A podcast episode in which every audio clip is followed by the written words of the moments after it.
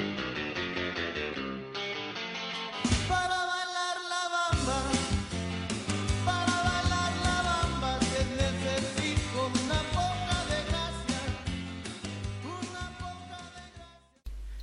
ska vara varmt välkomna till säsongens näst sista avsnitt av La Liga-podden. I eh, veckans avsnitt ligger stort fokus på förra veckans finaler i Europa League samt Copa del Rey.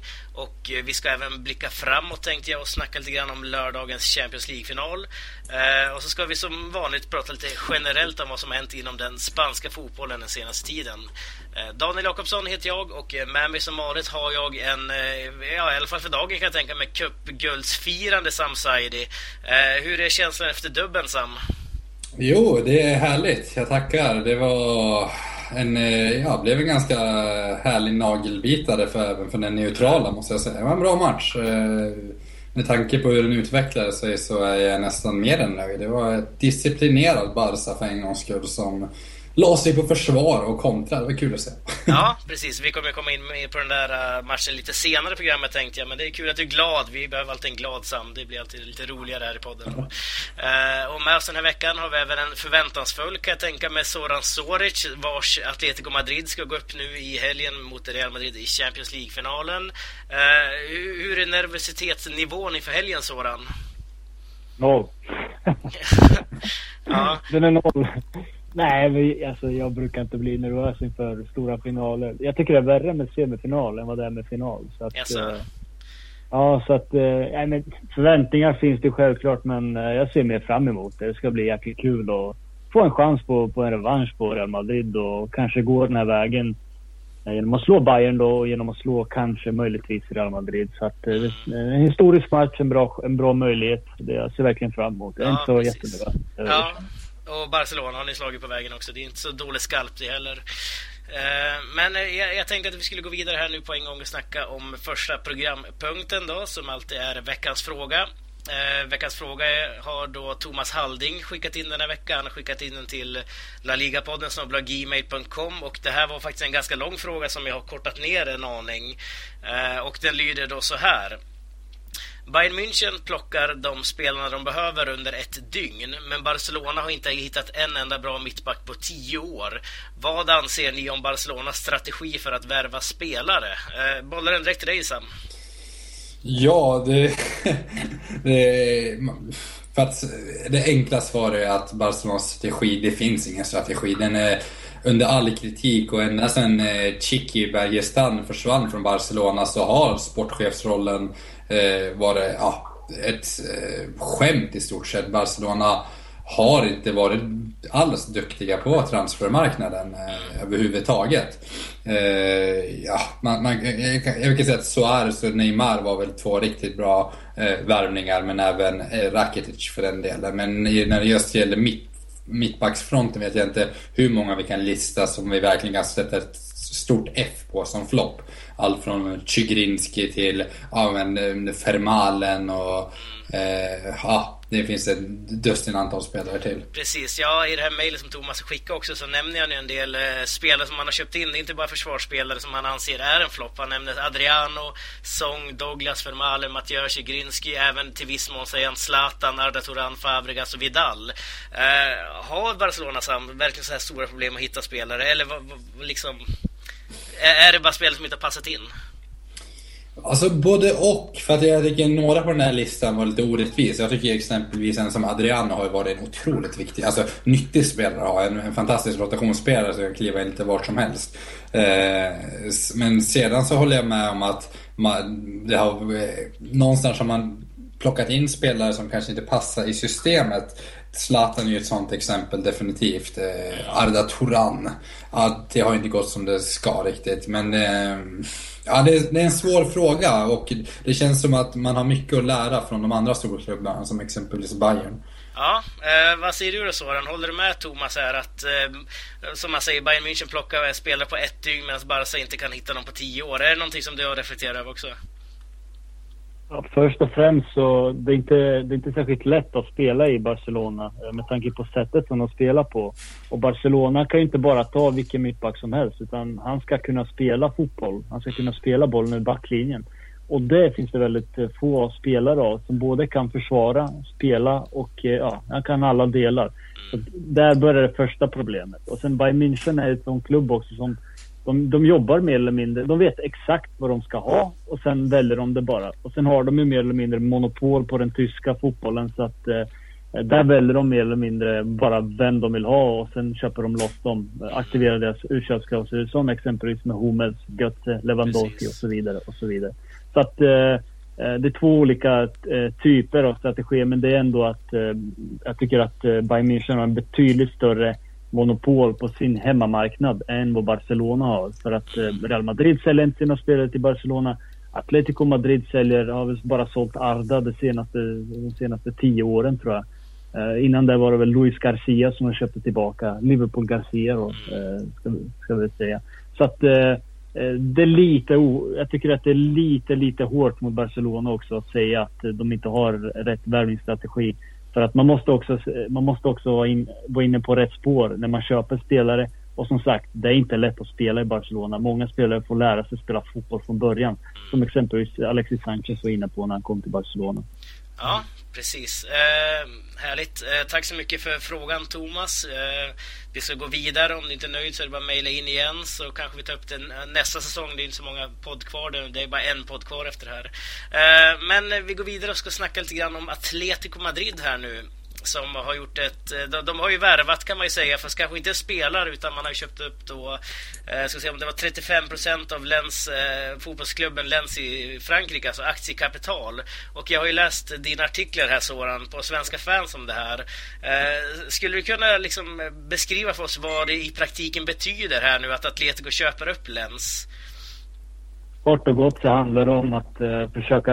Ja, man ska försöka eh, ta deras ynglingar för att Lans har en väldigt, väldigt bra ungdomsakademi och det är bland annat därifrån som eh, Rafael Varan kommer. Man ska försöka ta procentsatser av deras ynglingar eh, på grund av deras ungdomsakademi. Det är huvudanledningen eh, som man... Eh, det är därför man köper en procentsats. Sen så finns det en, en bakomliggande orsak också som är att den gamla ägaren, Azerbajdzjanen, Mamadov tror jag. Mamadov, Mamedov eller vad han heter. Han är ju väldigt nära vän med Skilmarin och Skilmarin fick ju mycket, mycket hjälp av, eh, av honom i och med det här eh, sponsoravtalet som Atletico hade med Azerbajdzjan. Hade det inte varit för det sponsoravtalet så hade exempelvis Arda Turan fått lämna i januari eh, 2012 eller 2013. Eh, då hade inte Atletico Madrid kunnat betala tillbaka sina skulder i tid till Skatteverket.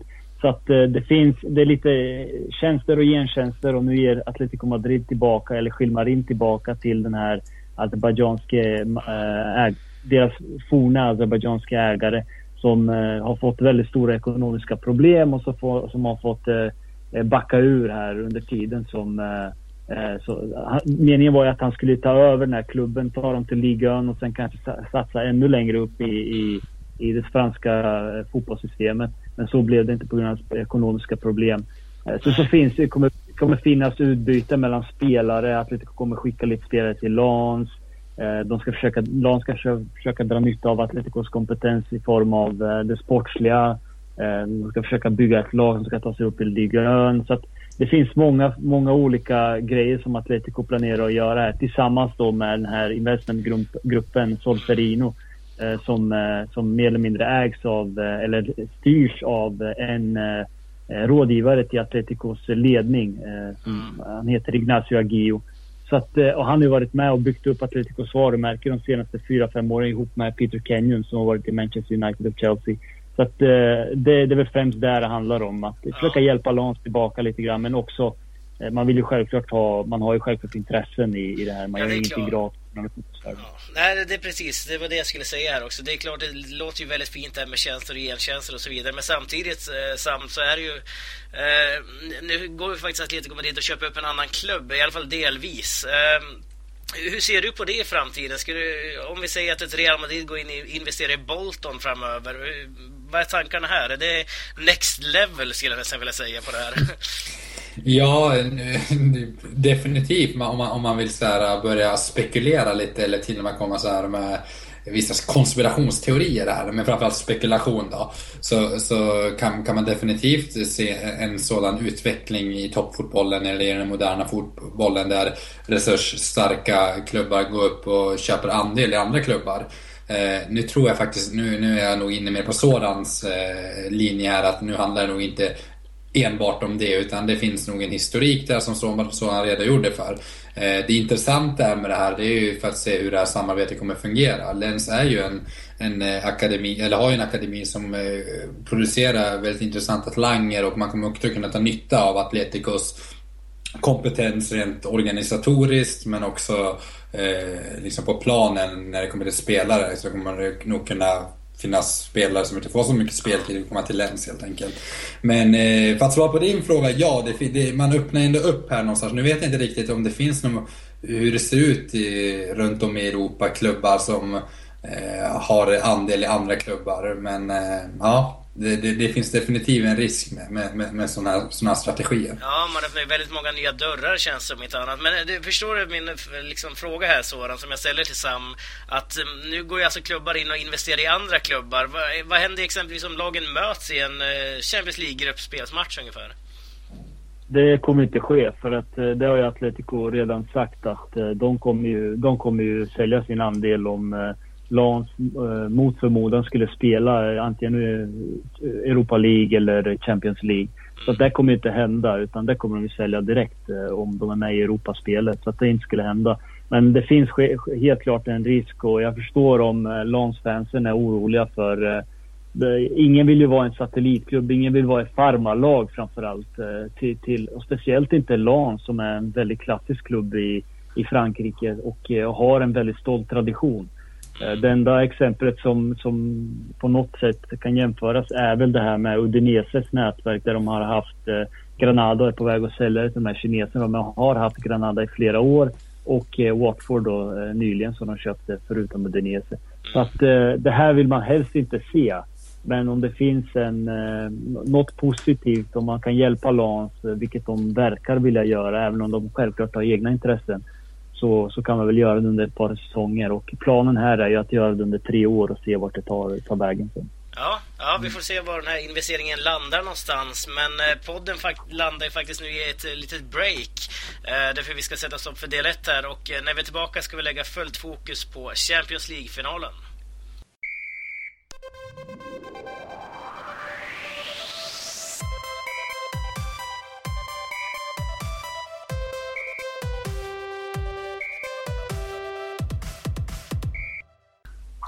På lördag spelas världens största klubblagsmatch när Champions League-finalen åter ska avgöras. Eh, vi får i år en repris på den finalen som spelades för två år sedan mellan Atletico Madrid och Real Madrid. Eh, först och främst Soran, vad är dina översiktliga tankar inför helgens stormatch? Om vi börjar liksom eh, skrapa på ytan lite av dina tankar här. Eh, framförallt eh, hur, man, hur man kommer att reagera under de första, första 15-20 minuterna i matchen.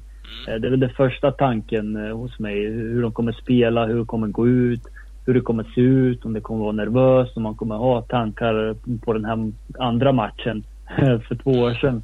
Så slutade det så olyckligt för just Atletico Madrid. Så att eh, sådana grejer går man runt och tänker på lite grann, i alla fall som supporter. Men jag tror att, jag tror att spelare och tränare går runt och funderar på hur de ska bräcka Real Madrid eh, mer och inte tänker så jättemycket på det som har hänt utan de ser det mer som en ny möjlighet.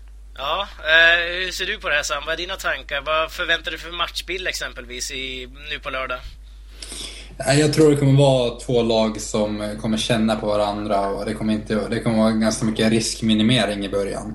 Eh, lite tillknäppt. Jag kan inte tänka mig att något av lagen kommer så här eh, blotta sig för fem öre eller trycka på.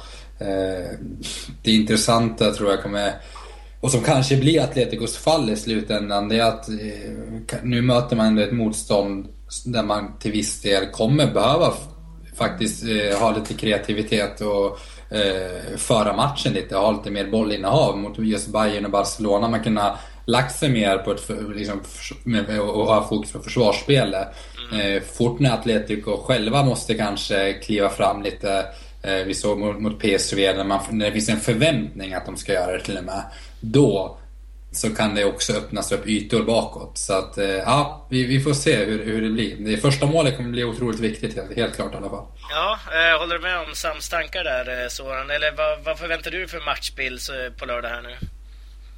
Nej, de vill ju självklart inte ha bollen Atletico utan de vill ju bara ge bort till Real Madrid. Precis som man gjorde förra matchen eh, Eh, på Bernabéu som man vann med 1-0 trots att man hade så lite eh, tid att återhämta sig från eh, PSV-matchen där. Men det tror jag i alla fall att de kommer vilja ge bort bollen. Och, ger dem, och om Real Madrid inte vill ha bollen då kommer det, bli, då kommer det säkert bli väldigt fysiskt, väldigt hårt spel. Det är möjligt att de båda lagen känner på varandra men jag skulle gärna vilja se att de öppnar lite offensivare. Ungefär som de gjorde mot eh, exempelvis mot Athletic Bilbao i Europa League-finalen 2012 eller mot Chelsea i Uefa Supercup 2013 eller 12, jag minns inte själv. Eh, men just där så dödar de matchen, matchen väldigt, väldigt tidigt. Eh, I, visserligen mycket bättre lag de möter men eh, samtidigt skulle man vilja se liten överraskning här mot Real Madrid för att båda de här lagen känner varandra så oerhört väl så att det är, näst, det är nästan omöjligt att, Det är mer eller mindre omöjligt att överraska Real Madrid eller Atletico Madrid när de möts. Ja, precis. Eh, Kocke sa ju här inför matchen att eh, planen är att springa och kriga. Eh, är det någonting som du tänker dig samma att Atletico Madrid kommer ha? Den mentaliteten, lite jävlar anamma liksom? Den mentaliteten, det, det är liksom grunden för det, det Atletico. Men sen så ska man inte heller bara det är en förenklad bild också, bara tro att Atletico krigar kriga och vinner enbart matcher för att de krigar mer än vad de andra lagen gör. Det finns en kvalitet också, en spetskompetens som, som många andra klubbar saknas. Eh, jag tycker att det Atletico vi ser idag är ju faktiskt, även om de inte vann ligan i år, eh, är starkare än det lag som var i Champions League 2014. Eh, så att det finns mer kvalitet i truppen, man har en Antion Griezmann, man har också lite mer erfarenhet på vissa spelare. Och det finns ett, ett revanschsug tror jag hos många som, kommer, ja, som kan vara det som blir skillnaden i år om vi ska se ur ett Atletico-perspektiv. Ja, eh, om vi fortsätter på Atletico-perspektivet här då Soran. Eh, och så kollar vi på Simeone som eh, förlorade förra Champions League-finalen här mot Real Madrid. Va, vad tror du han har lärt sig av det? Eh, hur kommer han formera sitt lag exempelvis i den här matchen nu? Är det någon speciell eh, ändring rent taktiskt han kommer göra tror du? Eh, det stora, är ju, det stora snacket är ju vem som startar som mittback bredvid Godin. Eh, Savic eller Jiménez. Mm. Eh, I mitt tycke så ska Savic spela från start för att han är betydligt mer stabil än Jiménez har varit i stort sett under hela säsongen. Och sen är den andra frågan om Augusto eller Carrasco spelar. Och det här med Carrasco är lite svårt för att Augusto gjorde en helt, helt otrolig match på Bernabéu eh, mot Madrid eh, i ligan. Och eh, är ju väldigt, väldigt bra mot den här typen av lag. Och det var ju även när han spelade i Celta där på Balaidos. När de spelade med en man mindre och ändå var på väg att kvittera eh, mot Real Madrid. Så att han är väldigt bra mot den här typen av lag. Carrasco däremot är eh, både bra när han startar men kanske ännu mer värdefull när han spelar, eh, kommer, kommer in från bänken.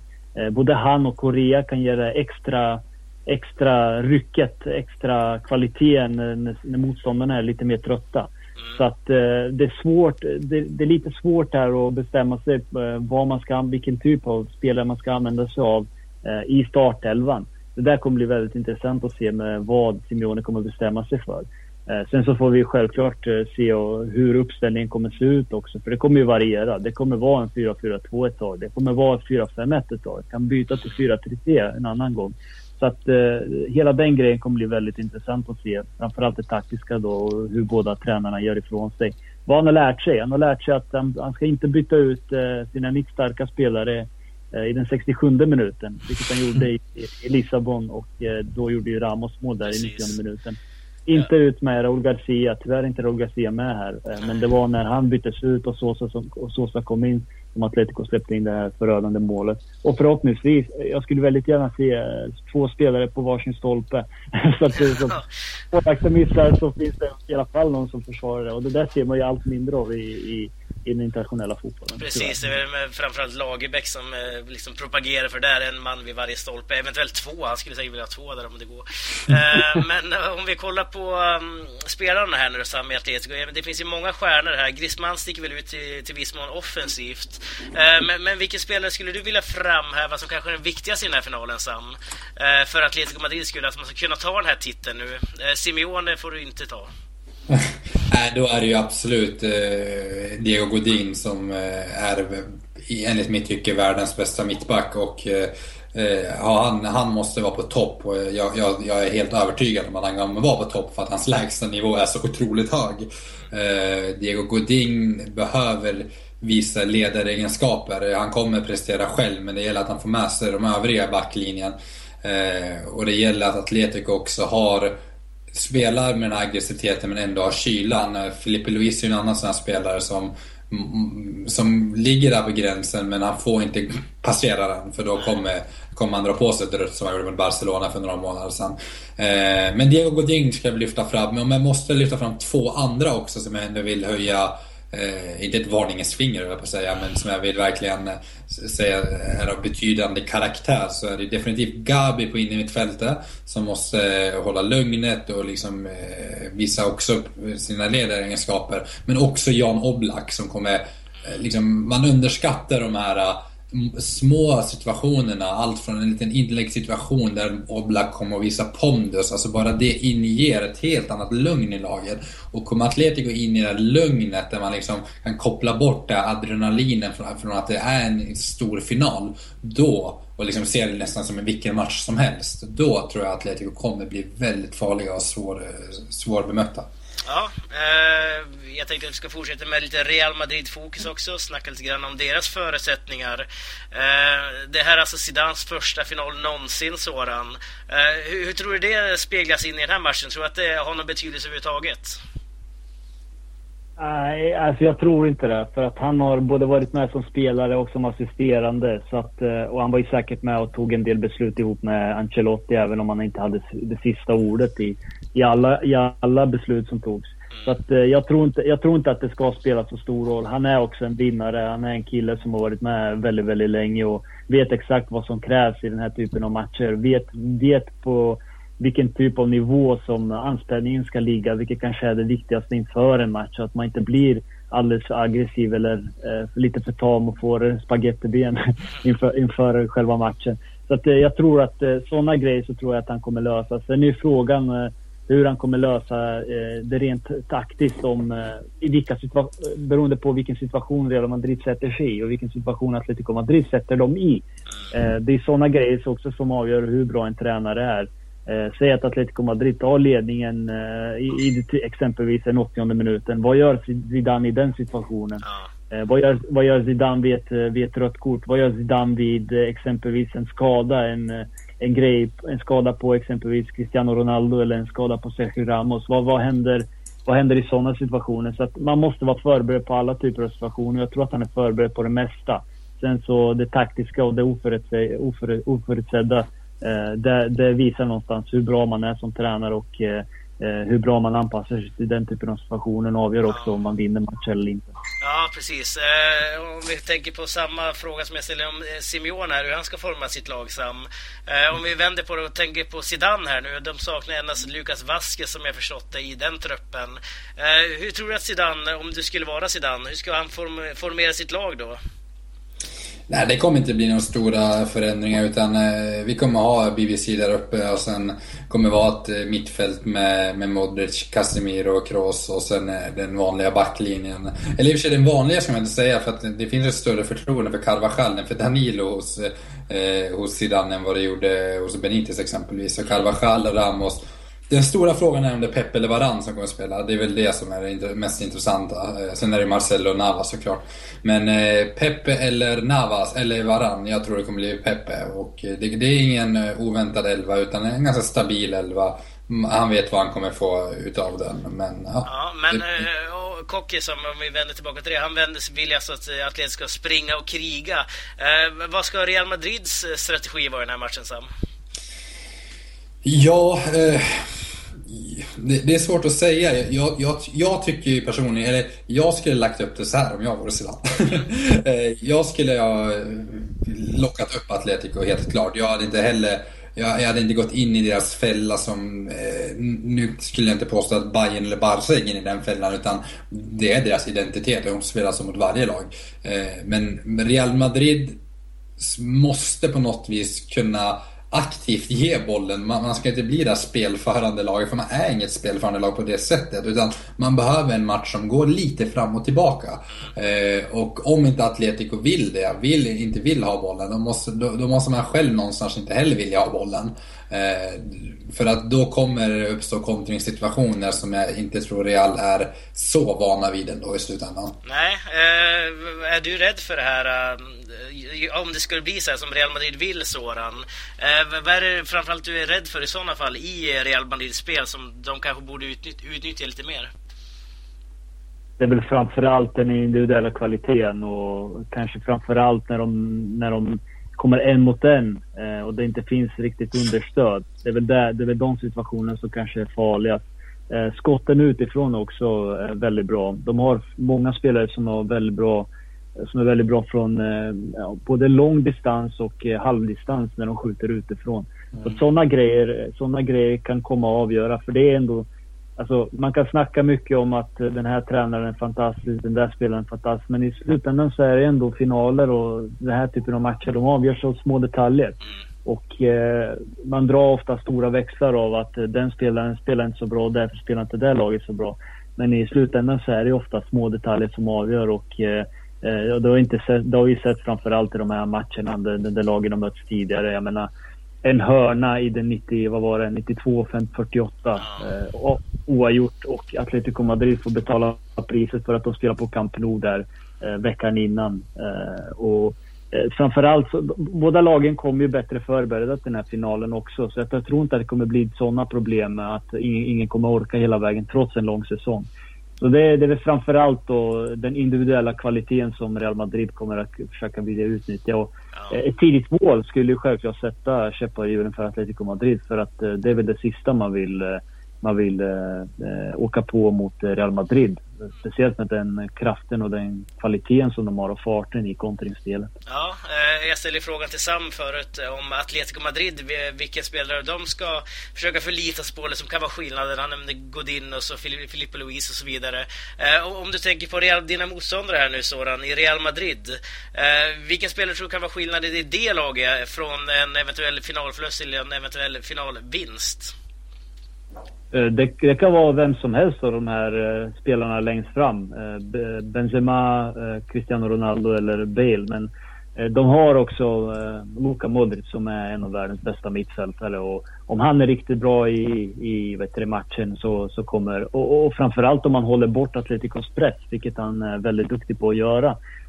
och försvarar. Och om, han tillsammans med Kroos lyckas försvara mellan ytorna framförallt, där Atletico har tagit sig in lite väl lätt emellanåt i vissa matcher eh, så kommer, det, så kommer Real Madrid ha betydligt större chanser att vinna. Eh, I förra matchen på Bernabéu var det lite också så att det var lite dålig eh, inställning på vissa spelare i Real Madrid, vilket i sin tur också straffade sig när Atletico kontrade bort dem och gjorde det Eh, målet. Det var väl Griezmann som gjorde det. Så att eh, Luka Modric skulle jag vilja eh, lyfta fram här och eh, Luka Modric kommer bli väldigt viktig för Real Madrid om de ska ta sin elfte titel i Uefa Champions League. Härligt. Eh, det ska vi, vi ska se fram emot den matchen, för jag tror det kan bli en väldigt rolig match, framförallt som neutral också, när jag varken håller på Real Madrid eller Atletico Madrid. Och det tror jag även du Sam skriver under på, även om det är dina två antagonister som spelar där någonstans. Eh, men eh, vi ska sätta stopp här nu för Champions League-snacket och i nästa del så ska vi snacka om Europa League och Copa del Rey.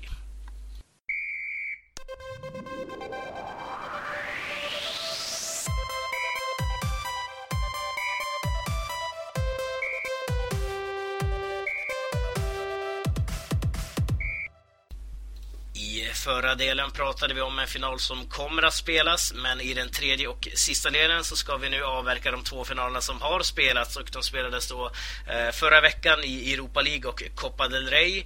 Och jag tänkte att vi skulle börja med Europa League-finalen där Sevilla vann sin tredje raka titel när de slog Liverpool med 1-3. Eh, först och främst Sam, hur upplevde du den matchen? Uh, ja, det var en det var, det, det var en ganska förväntad match på många sätt. Nu trodde jag i och för sig att Liverpool skulle vinna den där matchen med tanke på den här kloppeffekten. Eh, och den kom ju för sig där i början med en fantastisk utekyla där av, Stur eh, Sturridge. Eh, men Sevillas rutin eh, blev ändå avgörande. Man, man eh, Eh, gnagade sig in i matchen och eh, ah, ja, den där eh, turneringen är nästan gjord för det här Sevilla. Och man gör en väldigt bra match, det kan vi inte komma ifrån. Så att det, det var en jämn match men det blev ändå Sevillas rutin någonstans. Och det känns som att Liverpool var lite tagna av stunden, många spelare som inte kom upp i normal standard. Så att verkligen, rutinen blev det avgörande. Ja, eh, rutin säger Sam och eh, vad, vad, säger du Soran? det här var ändå ett Liverpool som gick ut och spelade ganska bra första halvlek men tappade helt när kvitteringen kommer. Hur, hur upplevde du den här matchen? Framförallt så tyckte jag att Sevilla såg lite, lite väl nervösa och tagna på sängen. Alltså de såg väldigt nervösa ut i första halvlek tyckte jag. Eh, vilket var väldigt ovanligt att se i och med att Sevilla är ett mästarlag i den här typen av turneringar och de vet exakt hur de ska spela den här typen av matcher jag blev väldigt förvånad över att se hur dåligt de spelade i första halvlek.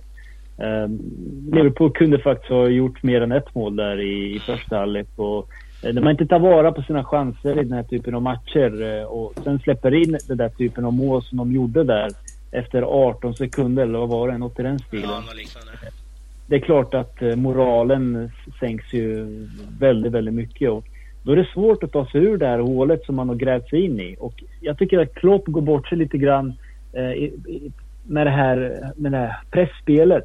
För att spelare orkar pressa i en viss, viss ja, ungefär i 60 minuter innan man är slut. Jag tycker att man måste kunna eh, anpassa pressspelet lite mer och kunna hitta, eh, vila lite mer med boll eller vila lite mer utan boll. Eh, för att kunna återgå till det här pressspelet där man, som är så framgångsrikt. Det är väldigt svårt att spela så i 90 minuter. Då måste man vara extremt bra tränad, nästan dopad. Så att, eh, och det ska man inte kunna... Det vill man ju inte, självklart inte föreslå att de ska hålla på med. Så att eh, jag tycker att de går bort sig lite på att de blir lite... Eh, hur ska jag säga? De blir lite trötta. Men samtidigt så tappar de eh, moralen. Moralen sänks väldigt, väldigt mycket i och med att Sevilla gör en helt fantastisk inledning på andra halvlek. Sevillas första 25 ja, nästan 28 minuter var otroligt bra i, i andra halvlek där. Och Kåke tyckte jag, tyckte jag höjde tempot och eh, såg till så att eh, Sevilla kom in i den här matchen på ett riktigt bra sätt. Han gör ett riktigt snyggt kvitteringsmål tycker jag, vilket är, vilket är svårt. Det är, ganska svårt att avsluta också måste man, kan man tänka. För att han är ingen anfallare. Han är inte så van att komma i den här typen av situationer. Även om han eh, gör lite mål då och då.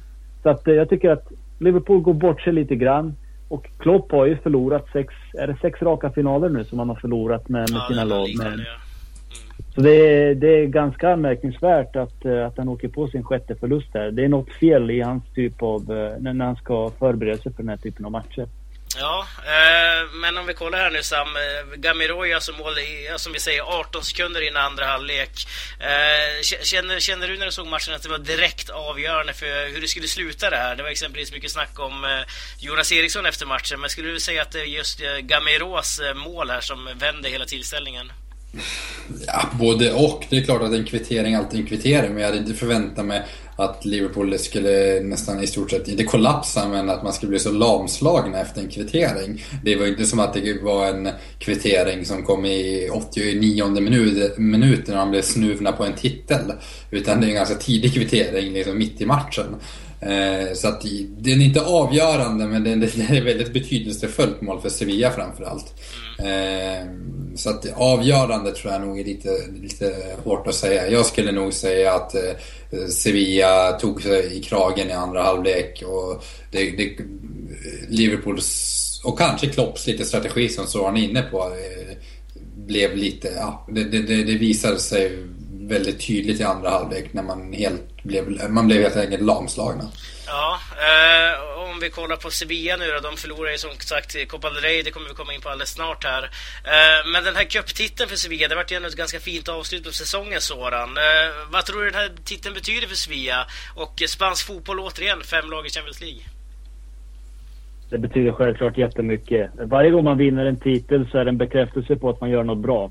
Och eh, varje gång man tar sig till Champions League är det till och med en bekräftelse på att man gör något bra. Nu vinner de en titel här igen och det är väl tredje raka, gång, tredje raka här eh, i Europa League, vilket är bara det. Det är inte ens, inte ens Real Madrid och Barcelona de här och uppnått det i den här eh, Uefa-cupen tror jag. Eh, så att även om de spelade väldigt lite där. Så att hela den grejen tycker jag är väldigt imponerande och det är viktigt för Sevilla i och med att de förlorar spelare i stort sett varje säsong men ändå lyckas eh, bygga ett lag som är tillräckligt slagkraftigt i Europa och tillräckligt slagkraftigt i de här utslagsturneringarna där Emery framförallt förbereder laget på ett väldigt bra sätt. Deras bortaspel finns det självklart väldigt mycket att önska. Jag menar, de har varit katastrofala på bortaplan i år. Men de har sin hemmaborg och de har den här Eh, de vet exakt hur de ska ta sig an de här finalerna även om det var väldigt håglöst i första halvlek mot Liverpool. Mm. Så, så självklart betyder det väldigt mycket och det betyder självklart också väldigt mycket inför nästa säsong när de ska börja köpa nya spelare. För det, är, det kommer bli så igen att eh, någon spelare till kommer få lämna förutom Banega här som, som har gått till Inter. Eh, det, det, är viktigt att man ska ha, kan kunna presentera Champions League-fotboll. Det, det är ju ganska stor skillnad om man presenterar Champions League-fotboll till en spelare och Europa League-fotboll. Det är självklart att den spelaren i så fall kommer kunna välja Champions League framför, till och med kanske framför pengar. Ja, precis. Eh, du var inne på Banega som ska lämna. Det var faktiskt eh, nästa grej jag tänkte ta upp nästa. Vi ska gå in på Copa del Rey här där faktiskt Banega blev eh, utvisad också. Men eh, Copa del Rey-finalen då.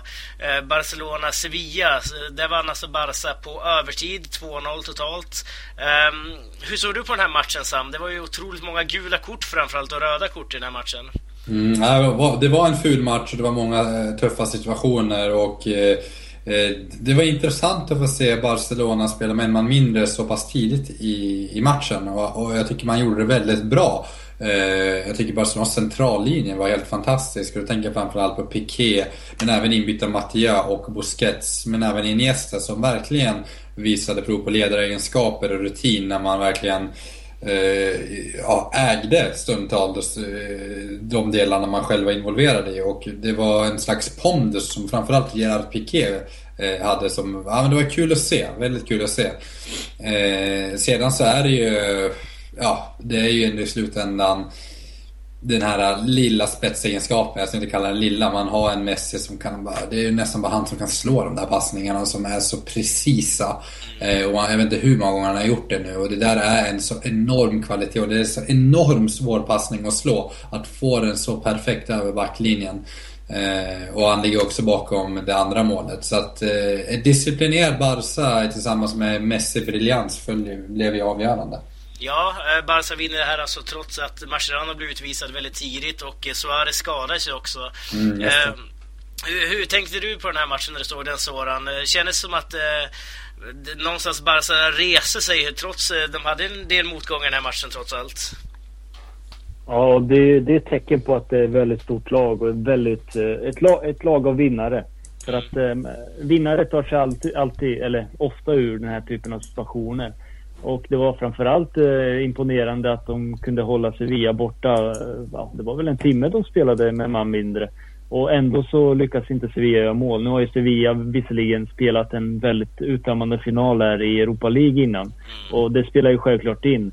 Men eh, att Barcelona lyckas eh, hålla dem borta från eget mål, även om det var halvnära vid något tillfälle.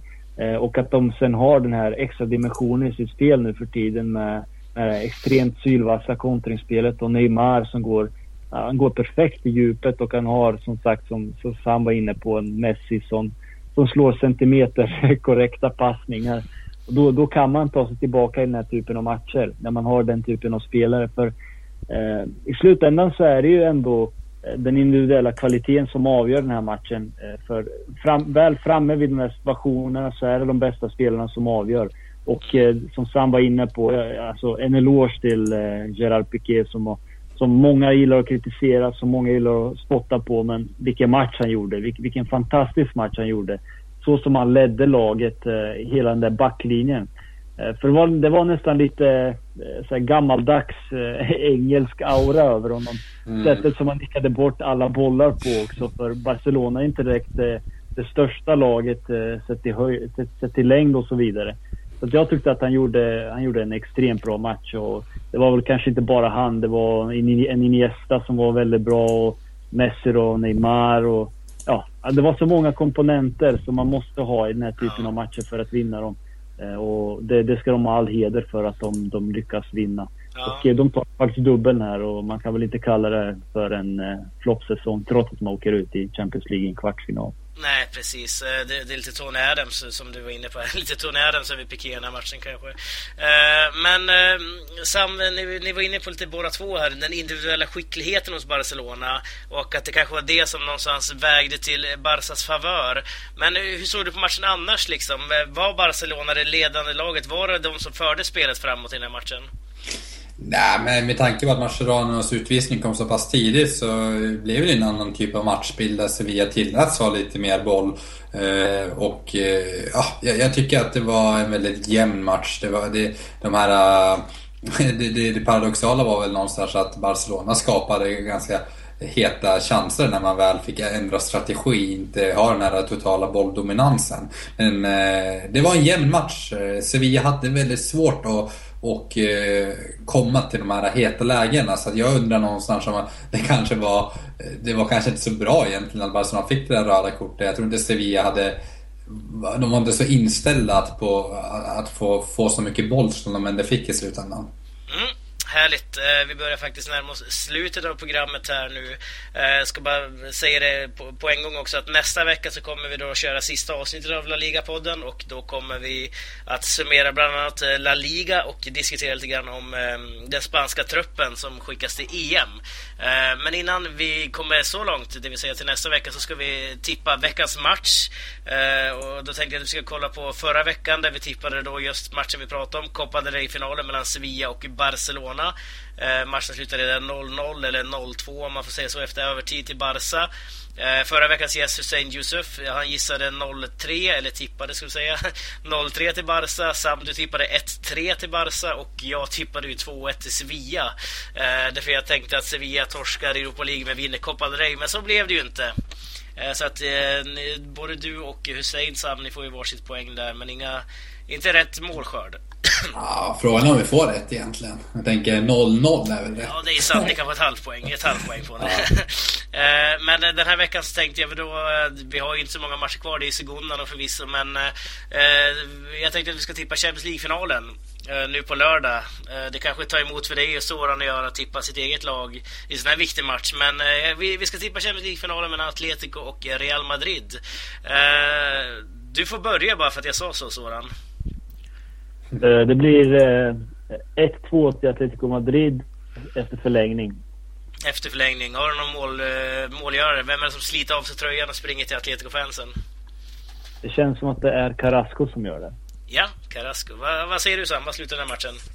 Ja, jag... Oh, jag är kluven. Jag... Jag håller på att jobba lite med hjärta och hjärna här lite. Eh, men jag, jag, tror att vi faktiskt kommer få en revansch. Jag tror någonstans att eh, Atletico kommer få sin efterlängtade revansch. Eh, jag höjer dock ett enormt varningens finger. Det känns som att är det något lag som faktiskt kommer slå det Atletico så är det så är det just Real Madrid. Och det, det, det kommer till stor del av en mental dimension. Eh, men just för att jag vill att Atletico ska vinna, för att de är de välförtjänta. Man slår ut Barcelona, Bayern och slår man Real Madrid, då är det bara så sagolikt. Så att... Eh, Eh, 1-0 till Atletico Madrid. Oh, precis vad jag skulle säga. Ja. Eh, men ja, okej, då får jag tänka om här. Jag gillar att du nästan alltid den här säsongen har helgarderat dig. Eh, det är så Granada mot Barcelona och så liksom, ja men det, Barcelona vinner, men jag vill höja ett varningens finger för Granada. det har varit många sådana den här säsongen och det kan vi leva med. Eh, okej, 1-0 säger du till Atletico. Eh, jag ser också jag ser 0-0 fast Atletico vinner med 1-0 på um, övertid. Tror jag. Eh, jag tror att det kommer vara en ganska chansfattig match det här eh, och på övertid kommer det smälla för att alla är trött liksom. Eh, så att där har vi det. Vi har då 2-1, 1-0 och 1-0 om man får säga så. Sam, ska du... Och Madrid har inte vunnit på San Siro någonsin i hela sin historia. Ja, du ser där. Vilken Real? Hela det här påminner lite om Copa del Rey-finalen 2013 då Atletico Madrid hade vunnit all, samtliga eh, Copa-finaler mot Real Madrid på Santiago Bernabéu och även den då 2013. Okej, okay, så att Real Madrid har aldrig vunnit på San Siro säger du nu? Aldrig vunnit på San Siro. Ja, du droppar en riktig bomb här. Torres har gjort mål på San Siro och Atletico Madrid har vunnit på San Siro mot Milan. Okay. Eh, 0-1 2014. Ja, det ser jag där. Statistiken kommer fram. Eh, men Sam, ska du köra din eh, veckolista här innan vi avslutar? Ja, eh, vi börjar med veckans Tokiero som jag var inne på. Det är såklart Gerard Piqués fantastiska insats i Copa del Rey-finalen som blev avgörande. Klart vi vill också lyfta fram Sevilla som faktiskt vann eh, under veckans gång Europa League. Men äh, det får bli Gerard Piqué. Det var en fantastisk match fick se. Men en parentes för Sevilla som ändå spelat två finaler på en vecka. Det är imponerande. Mm, garderingarna fortsätter. Det veckans fortsätter. veckans favär hittar vi också i Barcelona och den får gå till Arda Turan.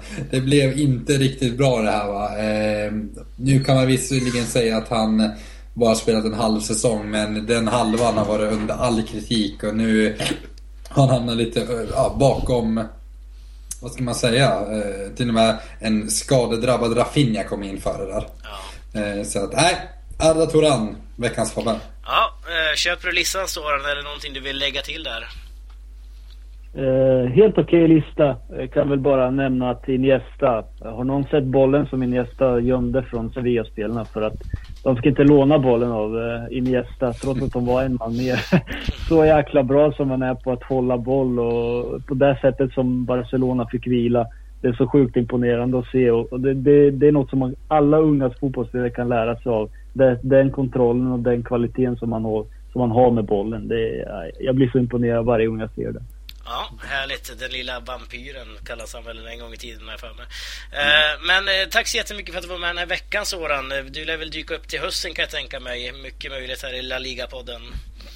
Yes, inga problem grabbar. Mm, härligt och tack till dig också Sam. Vi sätter ju stopp för näst sista avsnittet här nu men eh, nästa vecka så är vi då tillbaka med säsongens sista avsnitt av La Liga-podden. Missa inte det. Eh, vill ni skicka in en fråga tills dess, eh, skicka den då till laligapodden gmail.com eh, eller några ämnen eller synpunkter ni vill att vi ska ta upp nu i sista avsnittet. Skicka, bombardera oss, det uppskattar vi väldigt mycket.